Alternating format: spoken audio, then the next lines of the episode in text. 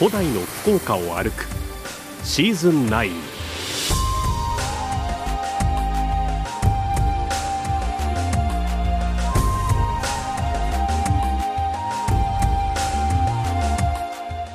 遥かな昔海の道からそして陸路を通じて福岡にはさまざまな文化が入ってきました。その足跡を尋ねる古代の福岡を歩くシーズン9この番組は宮間市の企画協賛餃子の山八道の駅宗像の提供でお送りいたします。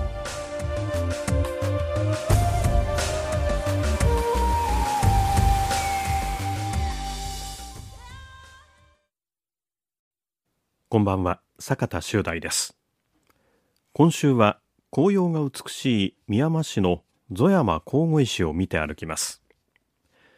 ゾ山高後石への道は麓の道路の修復も終わり頂上付近まで車で登れるようになりました。そこで今週は頂上付近から歩いて高後石を丹念に見て歩きます。見学した日は大変天気のいい日でした。ご案内を宮間市瀬高町の郷土史会会長熊川武さんにお願いしました。頂上のすぐ下にやってきました。ここから頂上へ登ります。ゾ山の山頂近くに来ました、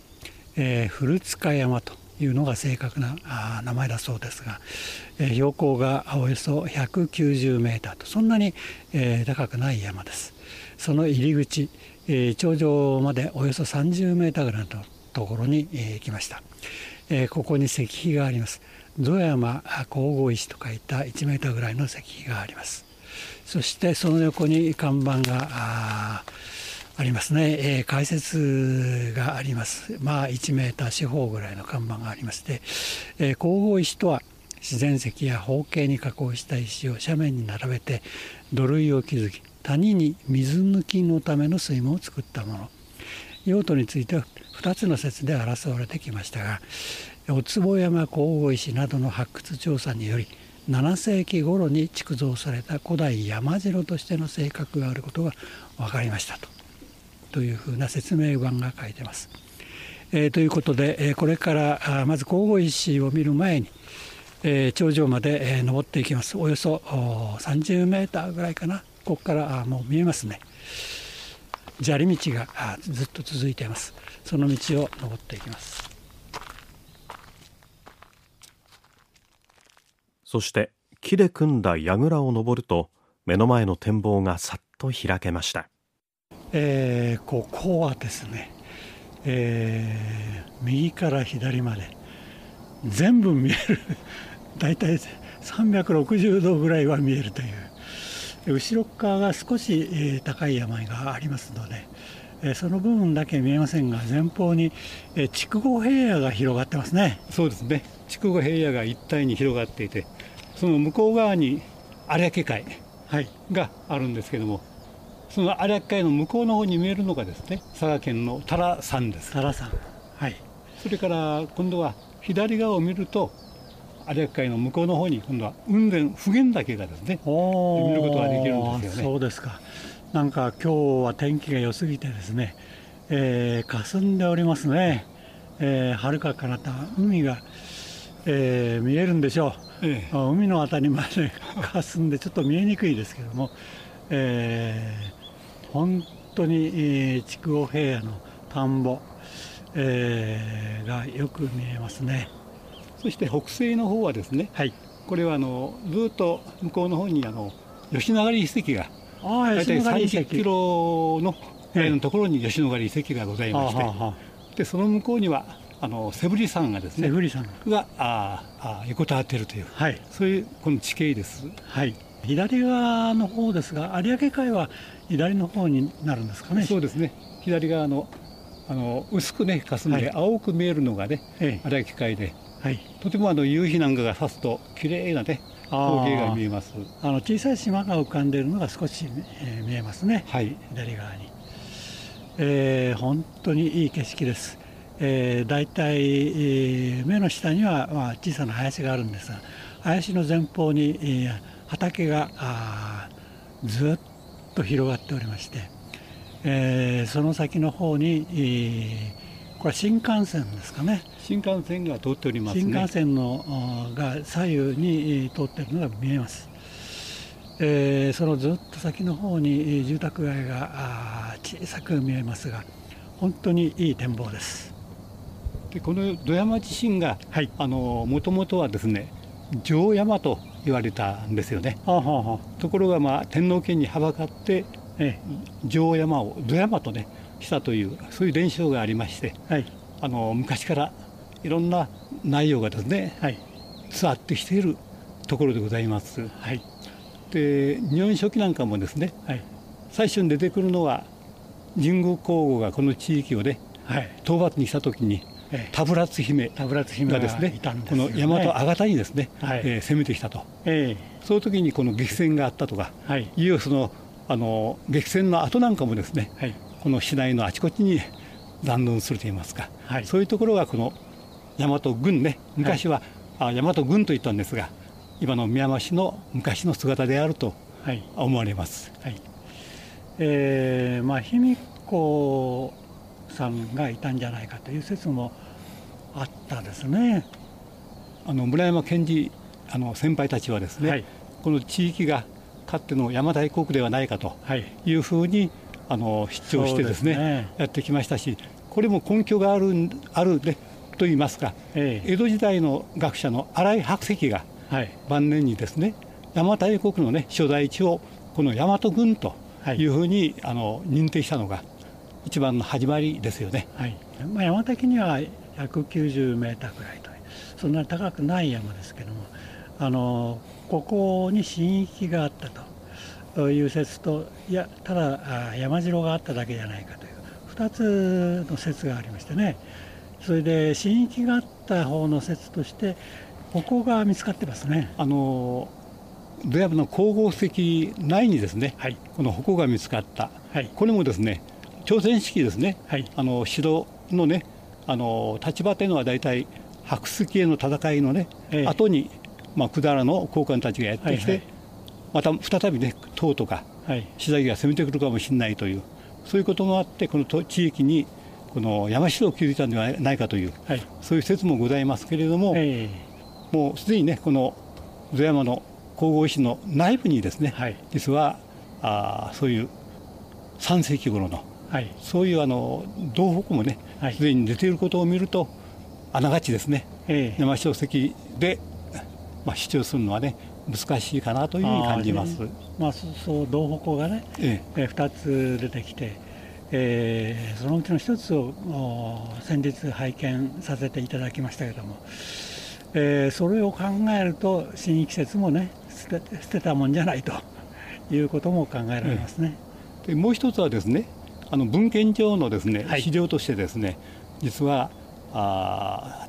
竹内の宿根がですね、はいええ、この地域のねにおいて1000名ぐらいの人歩を使ってあの高良山、ええ、高良山のですね久留米の高良山のあの神々石を救ったというこの文献も残っているんですよね。そうですか。でこの高良山のこの神々石と、はい、この地域の座山の神々石が全く同じという、土地において明治30年頃ですね、ええ、上田さんという方があのこれをね PR することによって、え、全国的にですね非常に有名になったとい。うものがありますもんですから、文献上あの竹之内宿根が、はい、あの活躍した時代というのは、まあ、300年代の後半ですよね。そうですね、はい、神宮皇后とかあの王神天皇、仁徳天皇の、ね、時代ですから、はい、ちょうどねあの近畿の方にはですねあの巨大なあの連邦公園運ができた、はい、仁徳天皇陵とかね、えー、あの時代と同じ時代にですね、はい、実はこの地域において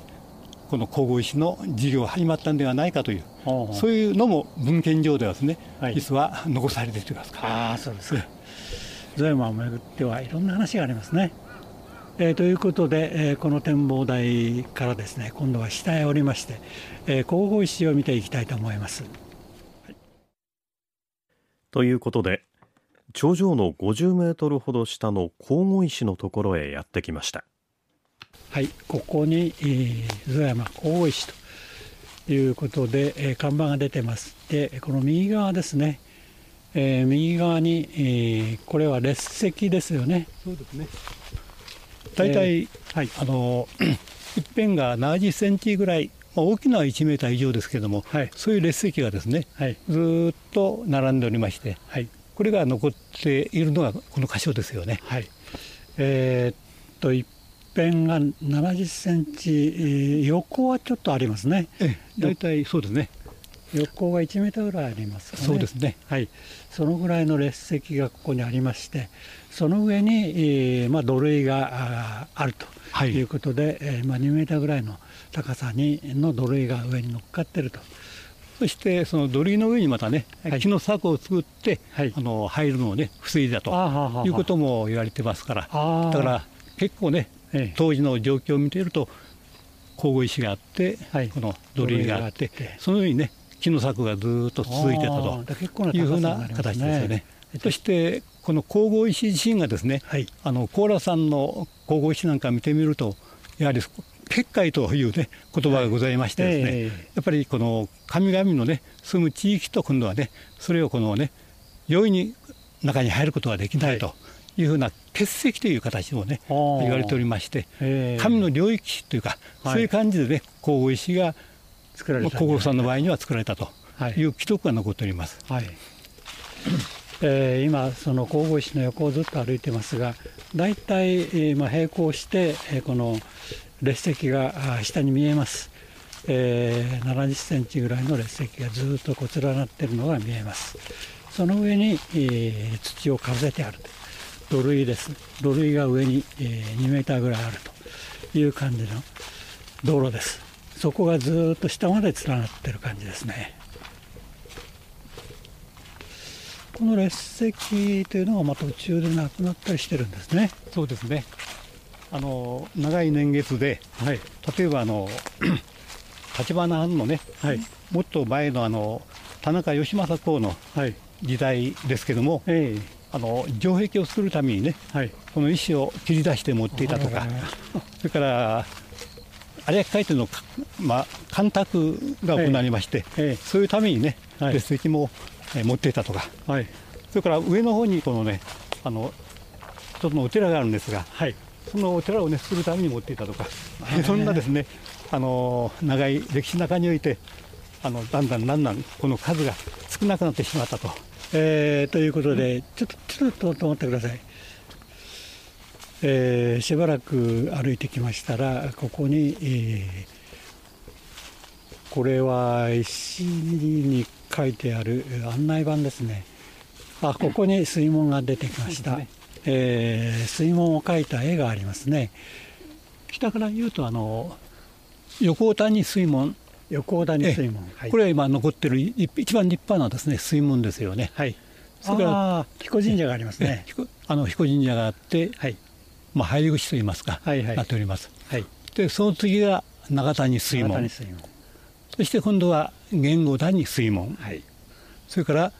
産谷水門と4箇所の水門がですね、はい、当時あの残っていたとい。う感じで、はい、今しっかりと残っているのは横谷水門と長谷水門の2つですよね、はい、長田の彦神社というですね、はいはい、あところをぐるっとね回って今度はね、はい、えー、いる形で、はあはあ、昔の時代には3キロにわたってこの神々石があったとい。うふうに言われておりますけれども、はい、もう北の方はですね、はい、少し痕跡が薄くなってしまって、はい、はっきりと断定はできないという感じでございます。はい、しかし考えてみるとそれこそ200メーターぐらいの海抜のところにですね、はい、この巨大な石群をね、はい、ずっと並べるってことはおそらくね現代でも大変な事業ですよね。そうですねそこそね1000人かわからないけどもたくさんのね、えー、人々があの働いて、はい、おそらく何年もしかすれば10年単位でね、はい、出来上がったかもしれないですね。そうですよね、えー、そういうことを思うとね、本当に不思議な気がします。いいですね。まあ大体、ね、えー、一つが70センチぐらいの大きさでしょ。えー、それがいくつあるのか知りませんけども、ここへどうやって運んで、どうやってこう切っっていったのかと。しかもですね、はい、この石材のね原石っていうのはねここから10キロぐらい離れたところのね、ええ、ところの山から切り出したということになるとですね、はい、運ぶし、またね、え、このずっとね何十メーターも上にね持ち上げるってことは、はい、とてもじゃないけどね現代をしても非常に大変なね、えー、そういう事業ではなかったかなと。そうですよね。推測できます。はい。ここから10キロ離れてると言ってもどうやってまあここまで運んだかっていうのは非常に謎ですね。うん、まあ水路や一つは水路がね、はい、ずっとね通ってたというね。水路にねあのいかだに持ってのけてね、はい、運んだとしましても今度はそこを下ろして下ろしてからですね。200メーターぐらいをね、えー、持ち上げていくということはこれはね大変ですよね。ね土木事業ですよね。はい。えー、ここは標高大体200メーターぐらいのところにありますので、えこんな山までね山の上まで運ぶのが大変ですよね。そうですね。ただ同じ頃ねまあ例えば仁徳天皇の頃とね考えると近畿地方でも、ええ、あの巨大な古墳がね、ああった時期なんですよね。なるほど。ね、それこそ400メーターぐらいのね、はい、大きな古墳群がね、ええ、どんどんできたもんですから、はい、ちょうどね、時代的には、その時代にね、南の方のこの地方でもね、はい、そういう、あの骨を使事業がね、展開された可能性もね、否定できませんよね。はい。船を使ったり、まあ、いろんなあの工具を使ってね、ええ。ー、石を運んだということがあり得るということですね。すね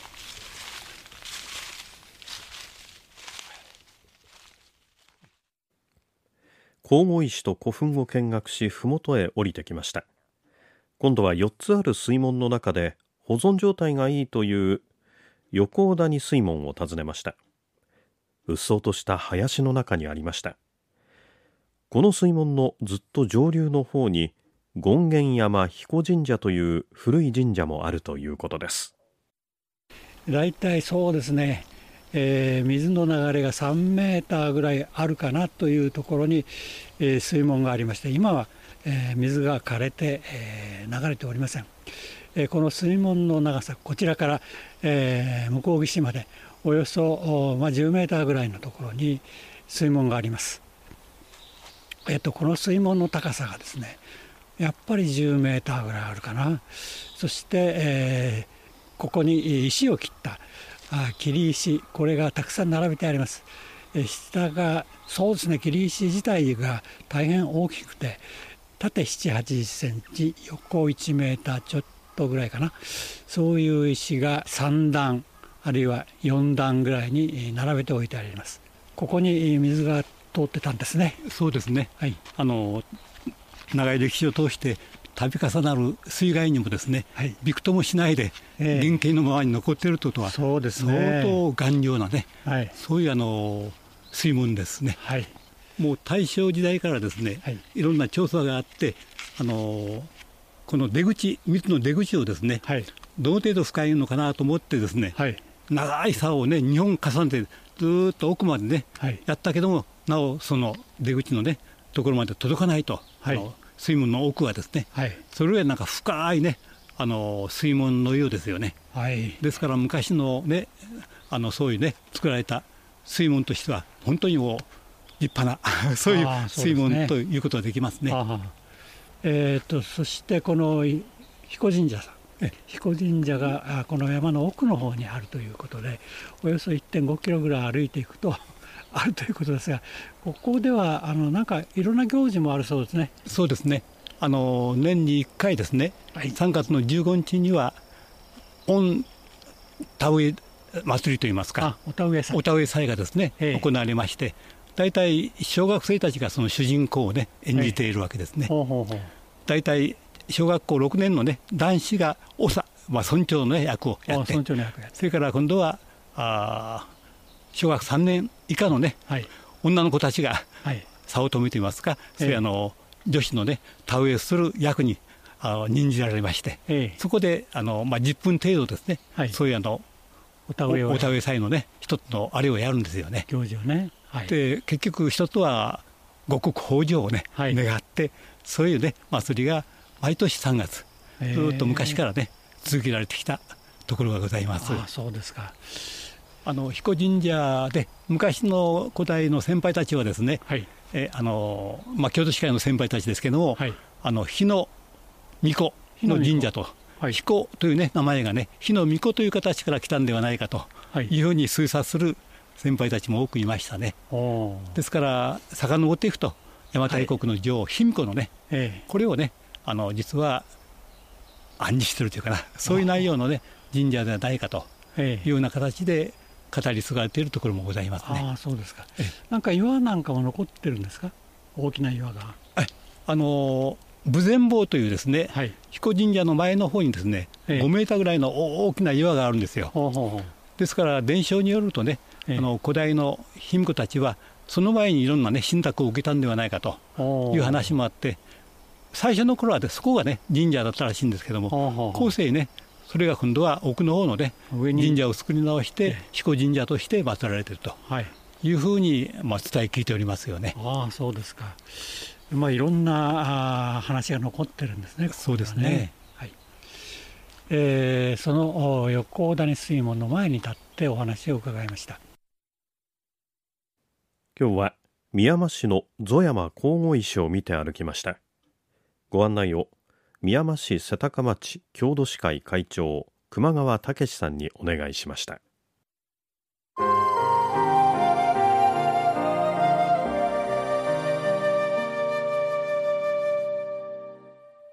ここで古代の福岡を歩くリポーターの中島理恵さんです。こんばんは。こんばんは。今日は宮間市にゆかりのあるこの童謡からお聞きください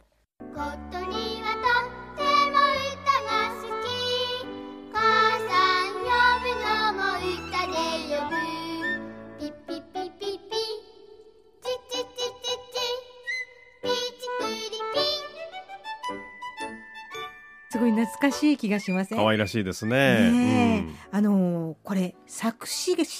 作詞した人が宮間市出身の依田純一なんです。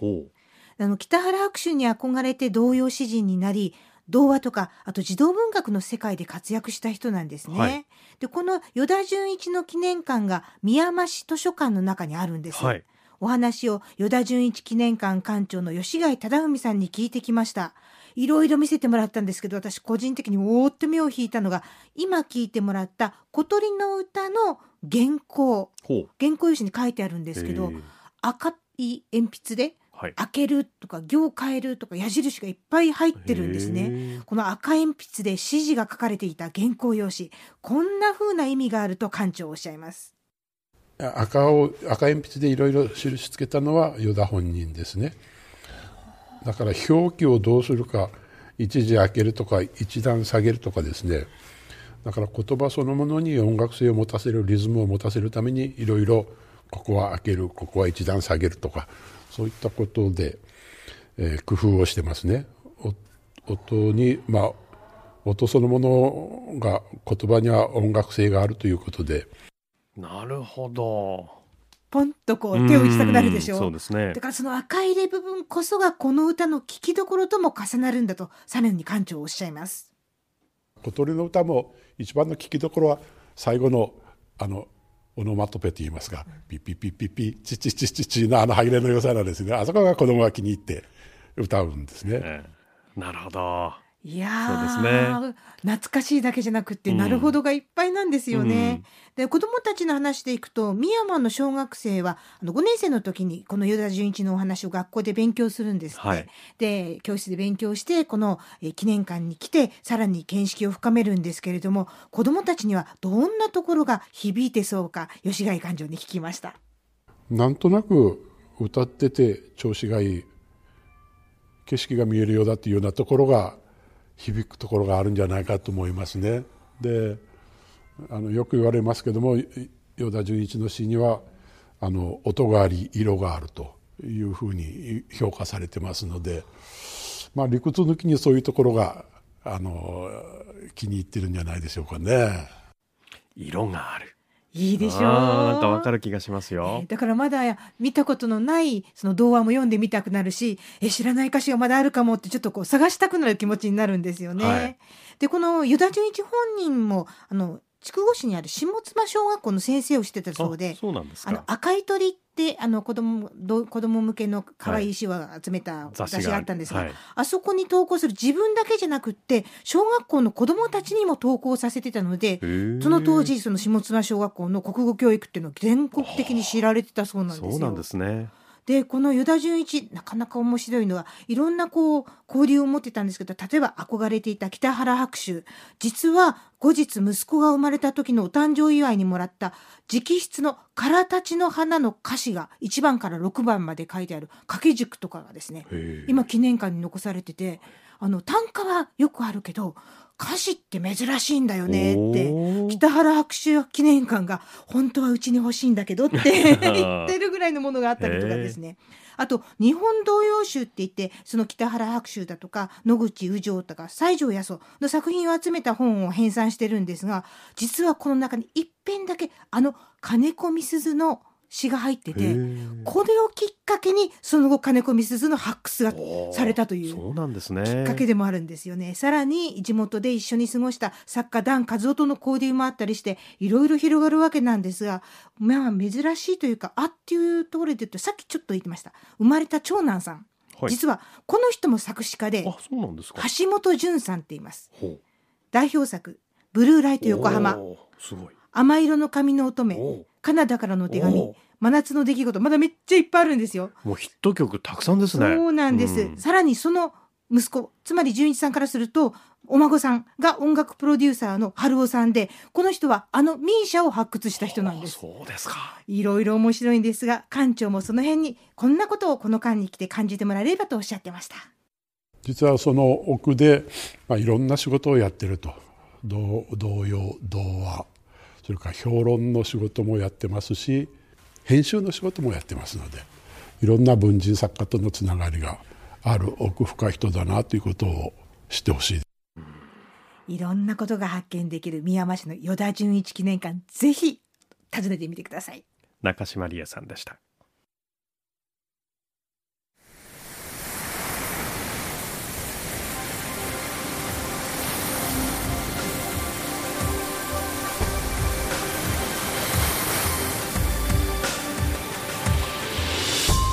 番組からのお知らせです。ホームページのご案内です。これまでの放送内容と番組を1回目からじっくり楽しむことができます。RKB ラジオのホームページの古代の福岡を歩くシーズン9のバナーをクリックしてください。またラジオクラウドという無料アプリをダウンロードすればスマートフォンやタブレットでもお聞きいただけます。この番組は宮間市の企画協賛餃子の山八。道の駅宗像の提供でお送りいたしました。ご案内は坂田修大でした。